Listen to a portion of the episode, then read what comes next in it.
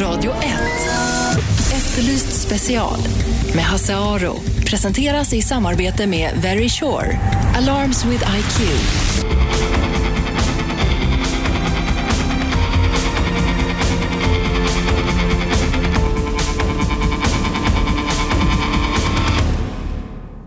Välkomna hit till Efterlyst special. Hasse Aro heter jag alltså och vi ska börja dagens program och prata om rättegången mot Anders Bering Breivik. Därför att idag så eh, börjar då själva eh, den delen som handlar om hans psykiska hälsa. Och det känns lite grann som eh, man är tillbaka där man började på något sätt. Elisabeth Massi Fritz är advokat, målsägande, biträdesexpert och följer rättegången i Oslo. Elisabeth, vad har hänt nu på morgonen? Hej Hasse! Jo, det som har hänt är att den rättsliga kommissionens ledare Karl-Henrik Melle har uttalat sig om de båda sakkunnigrapporterna som finns i målet.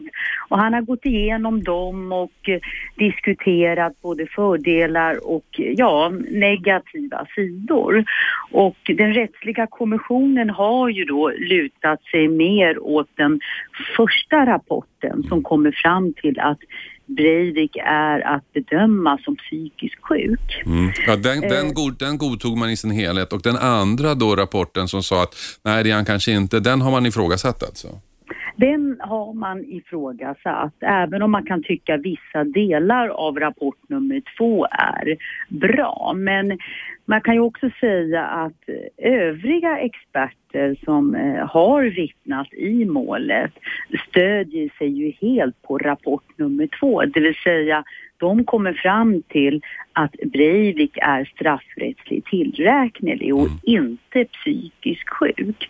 Och då är det experter som har träffat Breivik personligen och sen är det också experter som har gjort bedömningen bara genom att följa målet i rättssalen. Och man kan inte anser jag bara följa målet i rättssalen och sen sätta en diagnos på Breivik utan man måste ju ha samtal med honom och lägga ner många timmars samtal för att komma fram till en slutsats.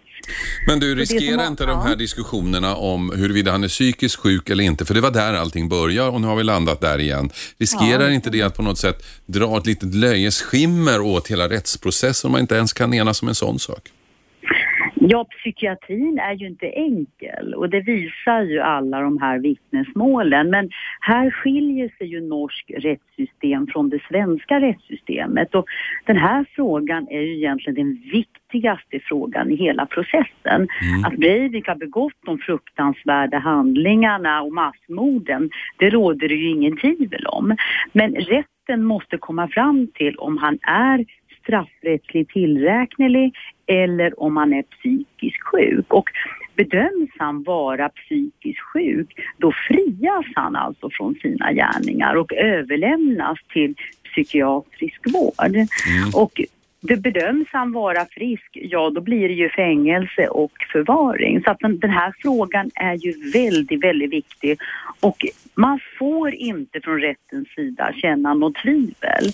Och finns det minsta tvivel, då kan man ju säga då att då kommer inte Breivik att bedömas som straffrättsligt tillräknelig. Men det finns ju redan tvivel. Det är ju ingen som kan säga, är han frisk eller det sjuk? finns tvivel, men rätten kan ju trots allt eh, komma fram till att den här bedömningen lutar de sig tillbaka till och motiverar varför man exempelvis kommer fram till att rapport L eller en eller två ska ligga till grund för deras bedömning. Sen ska man ju också glömma, inte glömma att rättegången har ju pågått i 36 dagar. Och det finns ju mängder av vittnesmål eh, från offer som har mött Breivik men också rättens egen bedömning hur Breivik faktiskt uppträder i rättssalen kommer också få betydelse. Mm.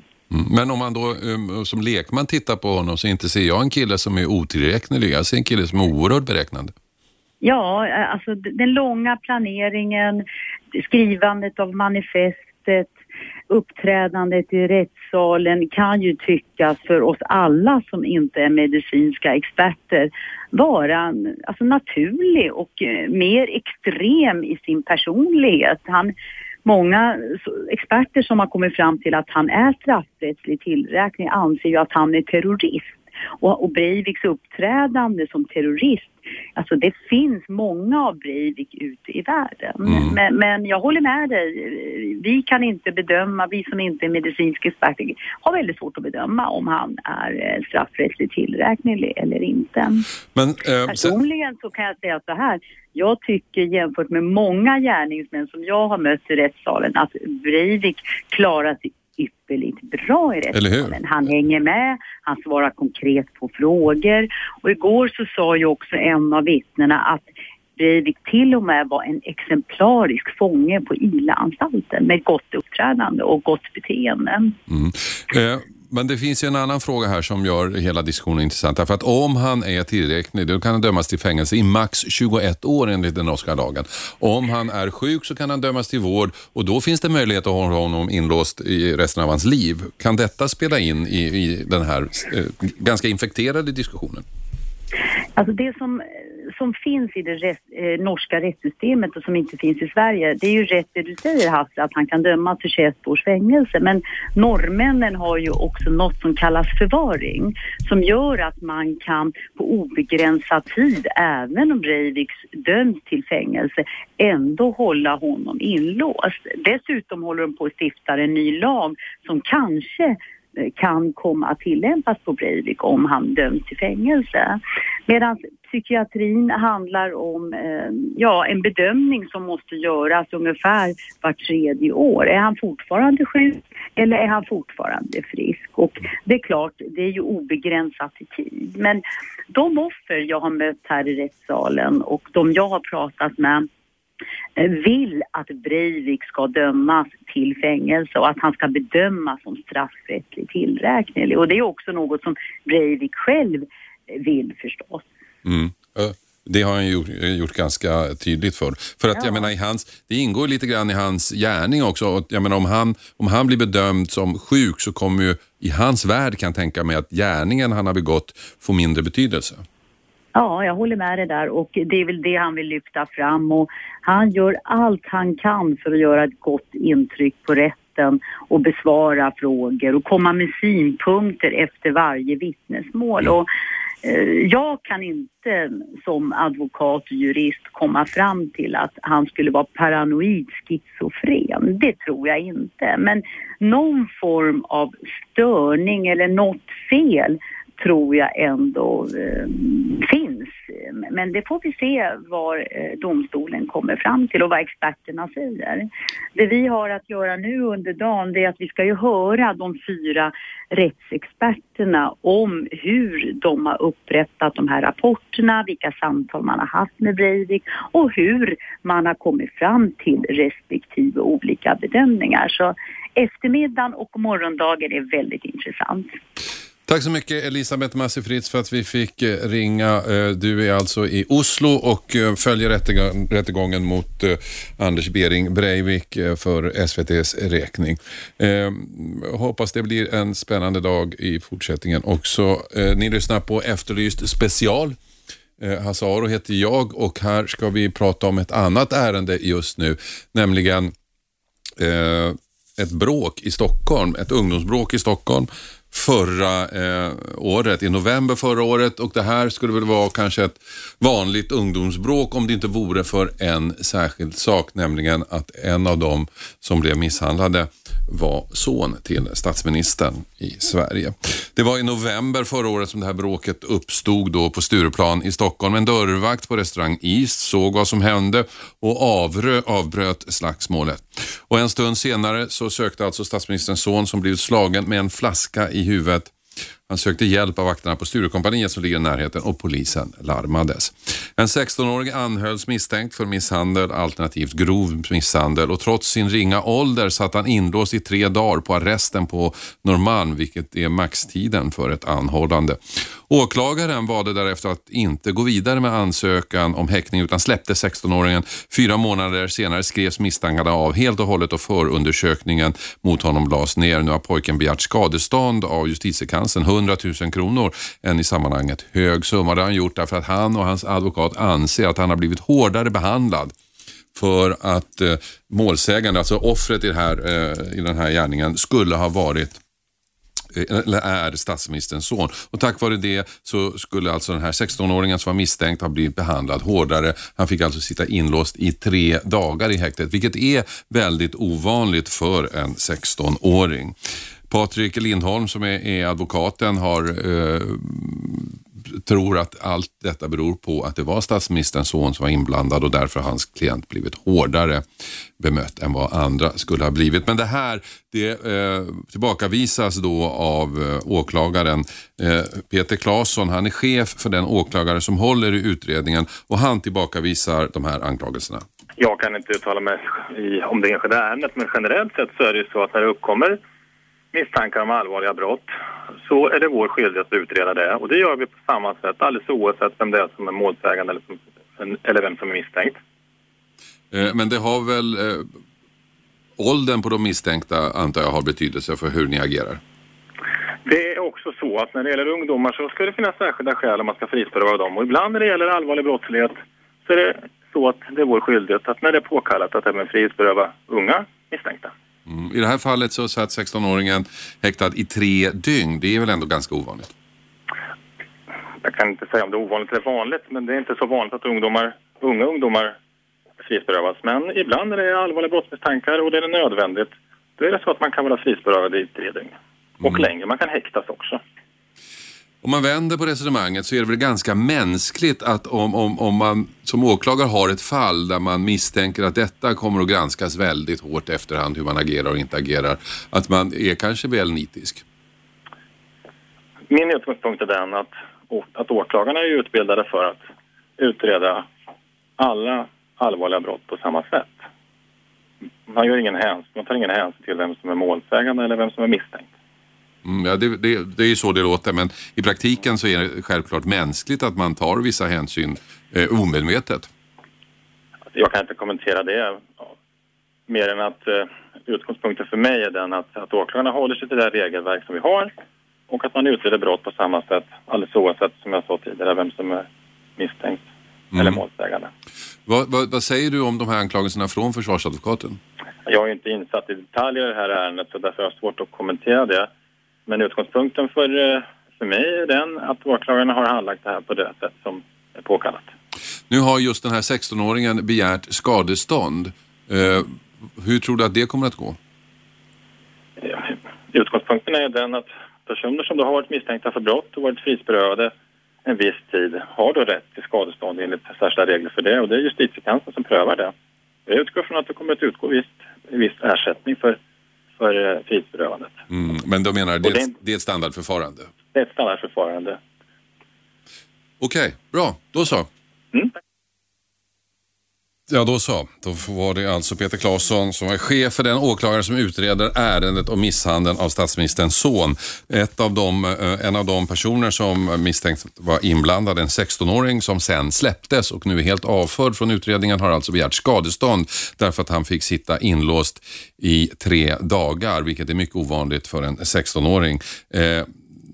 Och han har begärt 100 000 kronor i skadestånd därför att han menar att anledningen till att han fick sitta inne så länge var att offret var statsministerns son och därför gick man hårdare fram mot den här killen. Han är nu helt friad. Däremot så ska chefsåklagare Anneli Hanström inom kort besluta vilka personer som ska åtalas. Ni lyssnar på Efterlyst special. Jag heter Hasse Aro. Efter pausen ska vi prata om Assange. Det finns de som menar att Assange är offer för en fundamentalistisk feminism som vi har i Sverige. Det finns andra som hävdar att det blir sånt liv varje gång en av maktens män anklagas för någonting och det här är ett typiskt exempel på det. Vad tycker du? Lyssna efter pausen och var gärna med i debatten. Åsikter. Radio 1. Efterlyst special med Hasse Aro presenteras i samarbete med Very Sure. Alarms with IQ.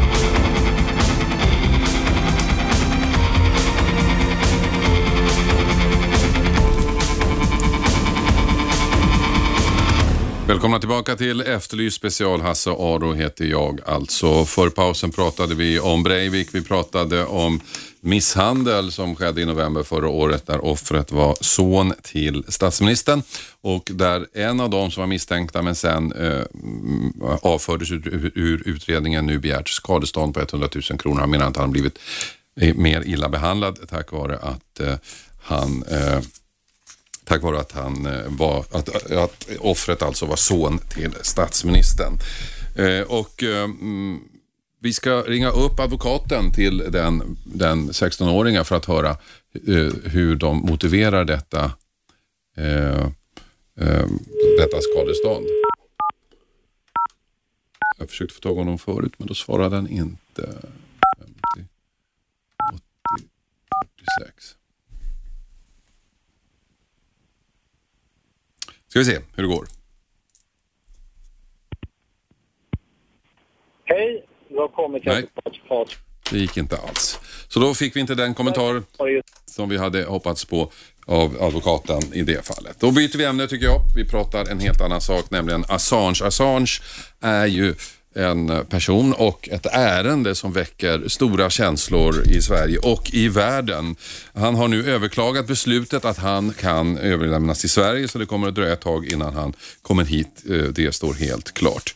Samtidigt så finns det ju de som hävdar då att eh, eh å ena sidan att eh, det här hela målet visar att våran uppfattning av våldtäkt och våran rättsuppfattning i Sverige är alldeles för snäv, lite fundamentalistisk. Och så finns det andra då som menar att eh, det är precis tvärtom, att Assange, att det har blivit så Eh, uppmärksammat beror på att han är en man med makt och det blir alltid så när män med makt åtalas eller anklagas för den här typen av brott. Då ställer hela eh, det etablerade samhället upp för dem och en av de som har reagerat på detta att Assange och, andra, eh, Strauss-Kahn till exempel, men också Assange alltså nu eh, särbehandlas på något sätt. Det är Mikael Gustafsson som är vänsterns Eh, EU-parlamentariker i eh, EU-parlamentet alltså. Eh, Mikael Gustafsson menar att det är tydligt att män med makt särbehandlas och Assange är ett exempel på det. Så här säger han.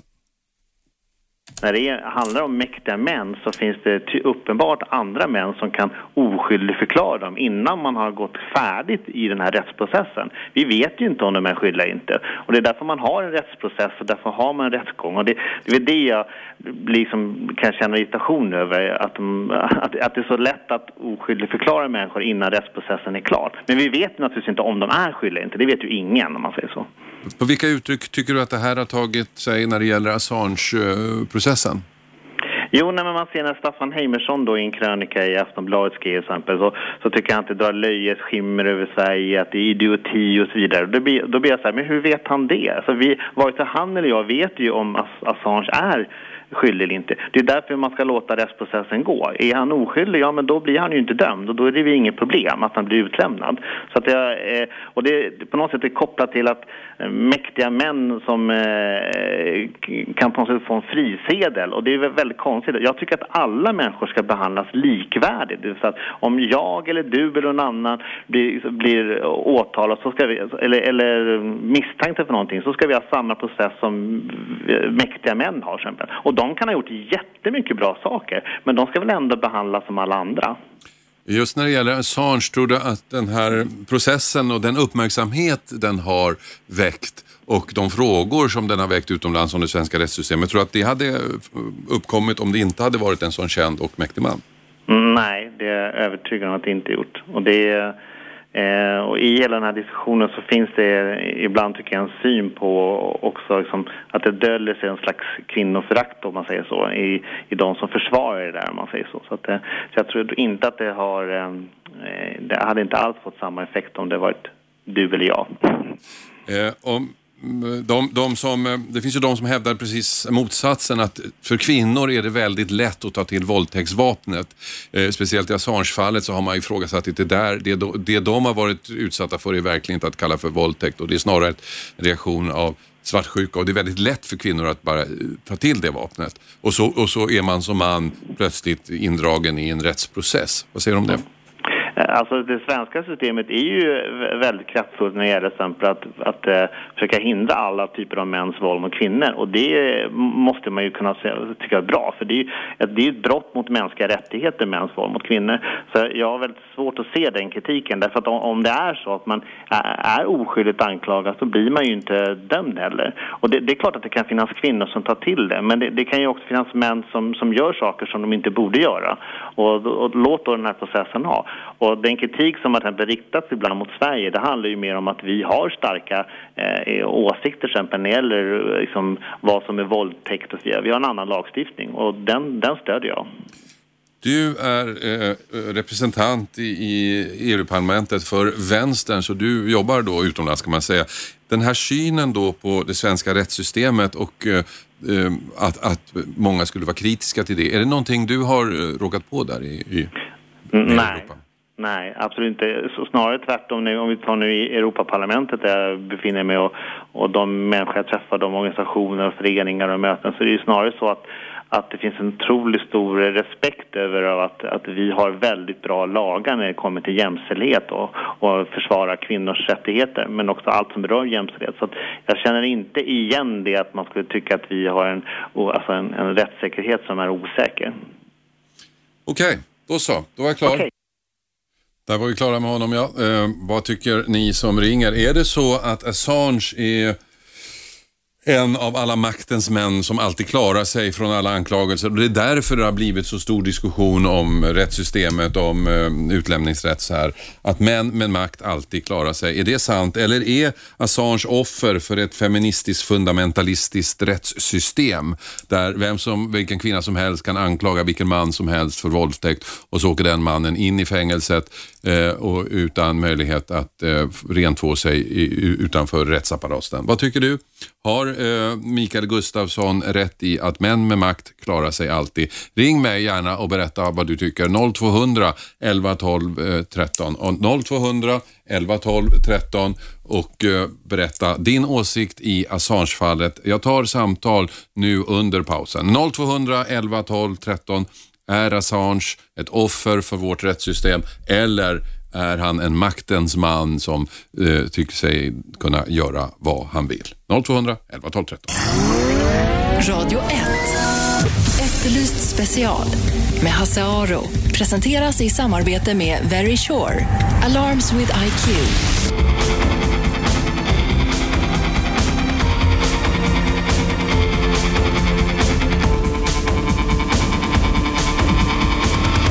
Välkomna tillbaka. Efterlyst special. Hasse Aro heter jag. Vi pratar om Assange. Julian Assange, han har nu överklagat utlämningsbeslutet. Högsta domstolen i London eh, beslutade ju för ett par veckor sedan att han kunde utlämnas till Sverige.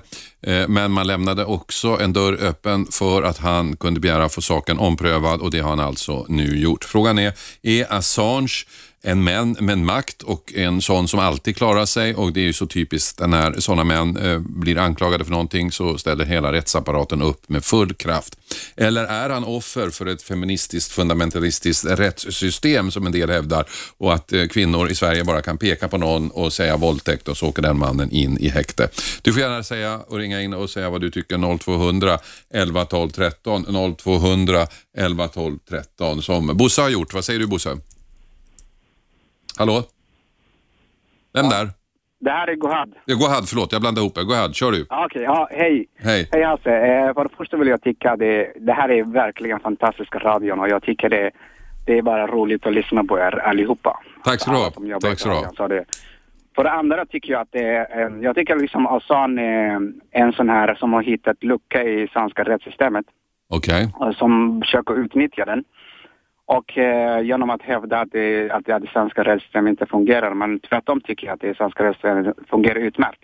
Mm. Och det kan till och med vara lite hårdare mot män i, i det här fallet. Liksom jag, jag, jag tycker liksom att i vissa fall eh, känns att männen är lite maktlösa för att eh, yttra sig i, i, i en situation liksom eh, när, när kvinnor anklagar och säger att, eh, att mannen har blivit våldtagen eller sådär. Och då, då, det är det första de gör är att, att mannen åker till eh, häktet och senare frågar, eh, frågar man efter. Mm. Och då känns man lite kränkt. Jag, jag känner Du menar först, som- först låsa in honom, sen fråga honom, stämmer det Ja, här? precis. Jag tycker liksom det där känns lite att det, det känns lite tråkigt och jag, det har ju hänt hos en vän till mig så det, Mm. det känns lite tråkigt på den vägen. Men däremot eh, i, i, slutändan eh, eh, blir ju, jag, jag tror att det kommer bli ord mot ord. Eh, Ja. Och det kommer bli väldigt svårt att bevisa.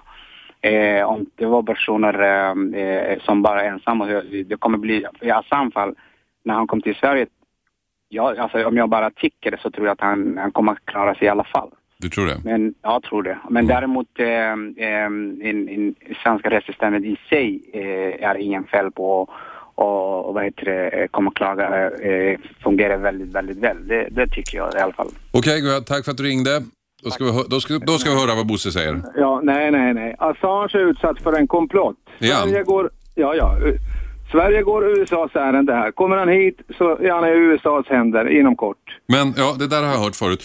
Ja, och ja. eh, jag är ju ingen vän av, av konspirationsteorier. Då undrar jag, varför hämtar inte USA honom i England då? England står ju mycket närmare USA än vad Sverige gör.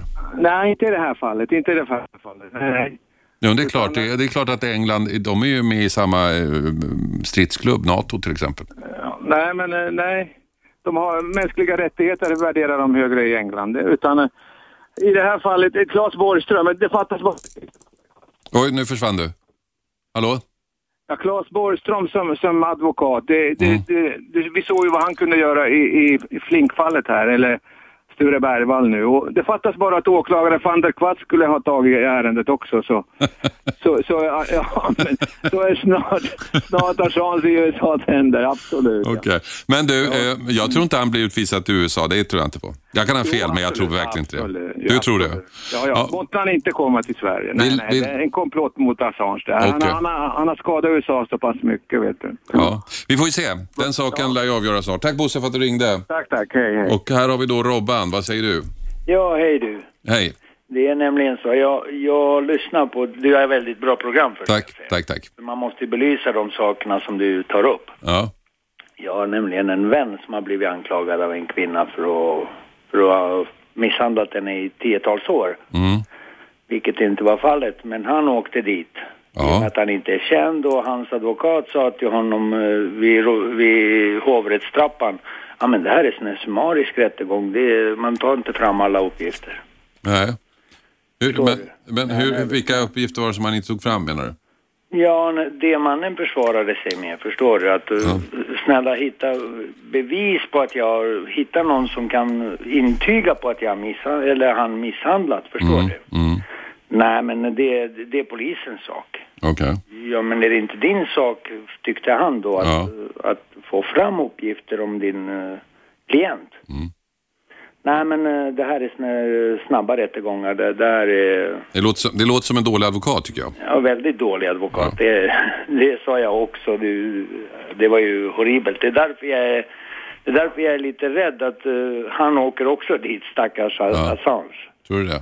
Jo, det, Men han har ju, säga vad man vill om massage och säga vad man vill om ärendet. Ingen av oss vet ju eh, om han är skyldig eller inte, för ingen av Ja, oss var det- där. det- men han kommer ju ändå ha bra advokat, det är jag övertygad om. ja, det lämnar jag dit hem. Om han Ja. är skyldig eller inte. Nej, det vet vi inte. Det får han bevisa själv Ja. eller eh, hon bevisa att han är skyldig. Ja. Det är så jag anser om det. Okej, tack ska du ha för att du ringde. Tack själv. Eh, vi diskuterar alltså Assange, eh, 0200 11 12 13 kan du ringa in och berätta vad du tycker. Vi hörde Bosse ringde förut och sa att Assange är utsatt för en komplott alldeles säkert och han kommer utlämnas till England så fort han kommer hit. Hallå, vem där? Hallå? Hallå, vem där?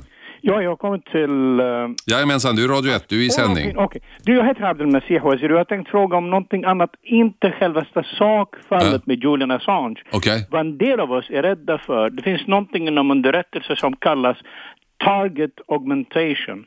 Det vill säga Assange har en massiv mängd följare inom blockvärlden, inom IT-världen. De Ja. gjorde misstag för länge sedan, de använder sina krafter fel. Om Assange kommer till Sverige, än en gång, jag säger inte om han har rätt eller fel, jag hoppas Ja. ni förstår det. Ja. Vad jag är rädd för, att Sverige kommer att råka ut för denna vad man kallar för target augmentation. ja, du menar att de här IT-hackarna kommer att attackera Sverige? Jo, på ett indirekt sätt, inte något spektakulärt. men inte något direkt sätt. Och det är det som är farligt. Jag själv hade material för länge sedan som ett fördrag jag gav för länge sedan som heter Behind the Brand How Sweden Lied to the World About Weapons of Mass Destruction. Men det var bara i Silicon Valley. Nu får jag höra att ungdomar söker information. Men jag frågade de som var med för fördraget, who are these kids? Ja. Och då fick jag veta, a lot of them are Assange supporters. Okej. Förstår du vad jag menar? Ja. Jag menar att, än en gång, jag, jag hoppas att jag det klart. Jag Mm. tar inte Nej, vi vet inte. Vi var inte där någon av oss. Vi vet inte vad som hände. Precis, men just detta tror jag, target augmentation, kommer, jag, jag är rädd för, kommer att drabba Sverige. Okej. Och på, kan du ge något exempel på vad som skulle kunna hända?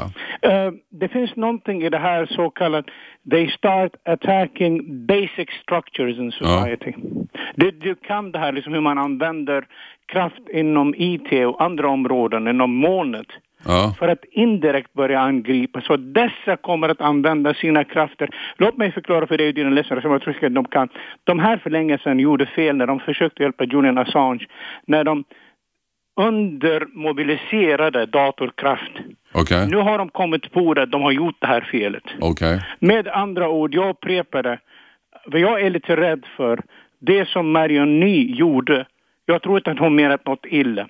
Nej. Men för dessa människor, de uppfattar att det är, det är han som är deras hjälte. Ja. Och de har denna kraft som, som du, vet som alla vapen i händerna på vem som helst. Här borde Sverige, jag hoppas att våra svenska politiker och ni inom media har en policy att handskas med det. Mm. Ja, det är en jättebra Because fråga. Jag har, really jag har inte, jag har inte I'm sett någon really poli- po- policy. Du, vi får se vad som händer. Om det blir så illa som du säger så lär vi märka det. Eh, Kom ihåg det vi har talat om, det som är farligt med det, det är inte alls spektakulärt. Okej. Ha det så fint. Detsamma hörru. Tack ska du ha för att du ringde. Hallå, vem har vi där? Välkommen till Radio 1. Hej, eh, det, det är Karim. Hej. Har du, eh, har du radion på eller något? Det hörs dåligt. Nej, nej, Nu, nu är jag inte på radio. Okej. Jo, jag, jag, tycker, jag tror att eh, Assange är, eh, är oskyldig. Okej. Han- Han, han är en kompo, alltså eh, de, de, de där tjejerna, alltså en, en av de tjejerna som anklagade, jag läste i massor med det i, i, ja, på, på internet Mm. att eh, hon, alltså, hon är, eh, alltså en av dem också, Mm. var eh, mm, eh, kontakt med eh, CIA. Alltså. Ja. Så man kan, eh, mm, ja det, det luktar någonting alltså på det hållet som, eh, mm, som det är en konspiration av USA för att eh, ja, stoppa den här Wikileaks. Ja, det förstår jag. Men det jag inte förstår i den här konspirationsteorin som jag sa tidigare till Bosse här som ringde, är att eh, varför begär de inte, varför tar de inte någon från England? Varför skulle det vara lättare att få Julian Assange från Sverige till USA än från England till USA? Nej, eh, som jag har läst och som jag har kunskap lite om det, det, det, det är inte så lätt från England att ta ju eftersom i England det juridiska systemet är mycket, mycket starkare än i Sverige. Okej? faktiskt. Och eh, det, det, det är omöjligt för alltså, engelska regeringen att gå på USAs ärende och utan alltså, strunta i juridiken. Okej. Det, det, det är en anledning att England inte utlämnar honom till USA. Men jag, jag är nästan 100% säker att om han kom, alltså om Assange kommer till Sverige han ska lämna till USA på, inom sex månader, jag kan, jag kan garantera det. Faktiskt. Och eh, det är USA som vill ha Assange och det är därför USA tog tillfälle av akt att um, alltså eh, binda honom till någonting som, eh, som kan alltså få honom från, från Sverige när, när Assange kom till Sverige faktiskt. Mm. Och Assange, eh, Assange trodde inte om, alltså Assange hade inga kunskaper om svenska rättssystemet innan han kom till Sverige faktiskt. Om han hade kunskaper om svenska rättssystemet, ah, han hade aldrig kommit till Sverige faktiskt. Jag- Jag kan garantera om det faktiskt. Det som, det, som, det som jag kan tycka, ah, det som är intressant med den här konspirationsteorin är ju att vi kommer ju få veta hur det går. För han lär ju komma hit och då får vi se om du har rätt eller fel. Jo, det, det är inte bara jag. Om du, om du, om du äh, läser på, om du googlar på internet, du kan se massor med... Mm. Ja, jag vet. Det de- finns massor med folk som... Nästan 99 procent, jag tror att nästan 99 procent människor i hela världen Mm. som tror att Assange är oskyldig. Ja. Det är bara Sverige, alltså massmedierna och svenska journalister eh, tror att han är, han är skyldig. Okej. Det är det som har blivit som en diktatoriskt land Sverige. Till exempel uh, uh, alltså i, i, diktatoriska länder, man tror vad regeringen tror.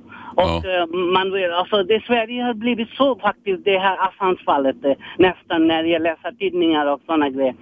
Så jag uppfattar det eh, faktiskt det som, eftersom i, i, om man läser på tidningar i alla andra länder, då, då ser man direkt att Assange är oskyldig. Okej. Och eh, han är oskyldig anklagad. Du, tack för att du ringde. Måste ta reklam nu. Tack ska du ha. Ni lyssnar alltså på Radio 1, eh, Efterlyst special. Vi diskuterar Assange. Uh, grejen med honom är ju att ingen av oss uh, vet om han är skyldig eller inte, för ingen av oss var där. Vad jag tror är viktigt när det gäller Assange, och det har jag sagt förut, jag tror att det är oerhört viktigt att allt som sker när han kommer till Sverige sker inför öppna dörrar. Jag tror att uh, i, det är ganska vanligt i sexmål att man har lyckta dörrar.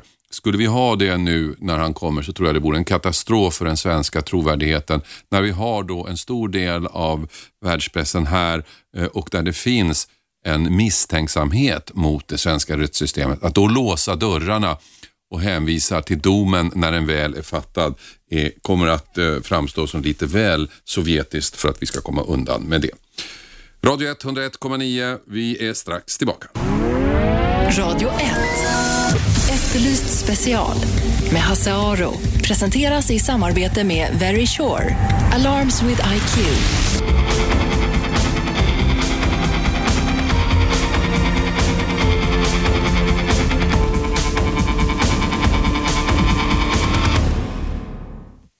Välkomna tillbaka till Efterlyst special här på Radio 1, 101,9, Sveriges bästa pratradio. Eh, vi har tidigare i det här programmet pratat en hel del om kidnappningen i Uppsala där två stycken unga människor, ett ungt par, Parastu Nabdar som är 23 år och Elias Vekalius 26 år. De här två har tillsammans då eh, dömts för att ha kidnappat en ung man i Uppsala, fört honom till ett ödehus. Där har de eh, låtit honom leva under dödshot i, i allt i mening att få pengar. Eh, hela historien sprack ju eh, som ni vet och vi har i det här programmet spelat upp då delar ur rättegången där de hade olika försvar. Ehm, Parastu Namdar, kvinnan alltså i sammanhanget, 23-åriga kvinnan, hon hävdade att ja, allting var bara eh, ett skämt som de skulle göra, ett slags födelsedagsskämt som den andra huvudpersonen Elias hade kommit på. Hon var väldigt tveksam till detta men Elias sa att det är sånt som killar gör. Killar tycker sånt här är kul.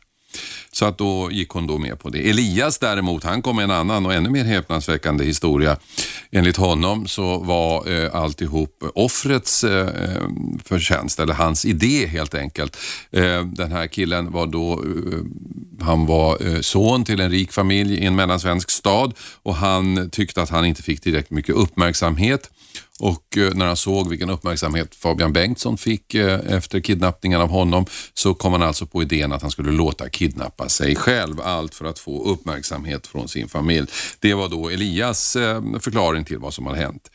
Domstolen, ja de trodde ju inte på någon av dem eh, och det kan man ju förstå. Eh, utan de dömde dem till ganska hårda straff. De fick åtta års fängelse de här två, vilket i sammanhanget måste anses som ganska hårt eftersom de tidigare var ostraffade och eh, är ganska unga.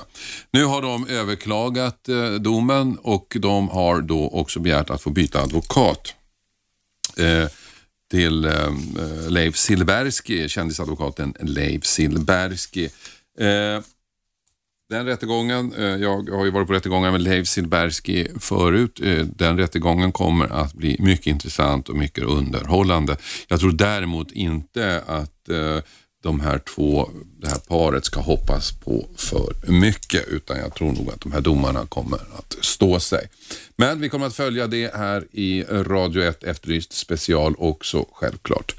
En annan rättegång som vi har följt ganska mycket är den i Norge mot eh, Anders Bering Breivik. Eh, där har ju själva den delen som handlar om gärningen eller gärningarna kanske man ska säga, den har nu avslutats och nu är man åter tillbaka i diskussionen huruvida eh, Breivik är, är frisk eller sjuk. Det var ju först en utredning som sa att han var sjuk, sen var det en utredning som sa att han var frisk och då tillsatte rätten en kommission för att liksom se vilken av de här två utredningarna eh, som hade rätt. Och den har nu kommit fram till att den utredning som sa att Anders Behring Breivik är sjuk, den gjorde alla rätt och den utredning som sa att han är frisk, den gjorde det mesta rätt. Så att jag vet inte om det blev så mycket klokare. Och den här diskussionen, det var ju där allting började och nu är vi tillbaka på den och jag tycker att den är märklig och den riskerar att eh, hela systemet ifrågasätts. Och man har ju också sagt att en anledning till att man diskuterar det här så mycket kan ju vara det faktum att om han är frisk då döms han till fängelse max 21 år.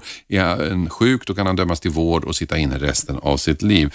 Eh, advokaten Elisabeth Massi Fritz som är en känd eh, brottsmålsbiträde här i Sverige, eller målsägandebiträde förlåt. Hon följer rättegången i London, men hon menar att det är inte så enkelt därför att i det norska, norska rättssystemet så har du fortfarande möjlighet att låsa in någon eh, för resten av livet även om man har den här 21-årsregeln.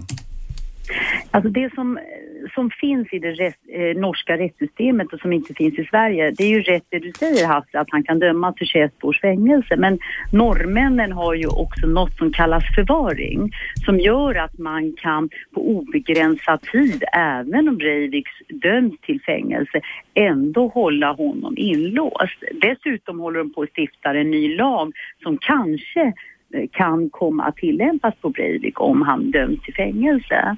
Medan psykiatrin handlar om eh, ja, en bedömning som måste göras ungefär vart tredje år. Är han fortfarande sjuk eller är han fortfarande frisk? Och det är klart, det är ju obegränsat i tid. Men de offer jag har mött här i rättssalen och de jag har pratat med vill att Breivik ska dömas till fängelse och att han ska bedömas som straffrättsligt tillräknelig. Och det är också något som Breivik själv vill förstås.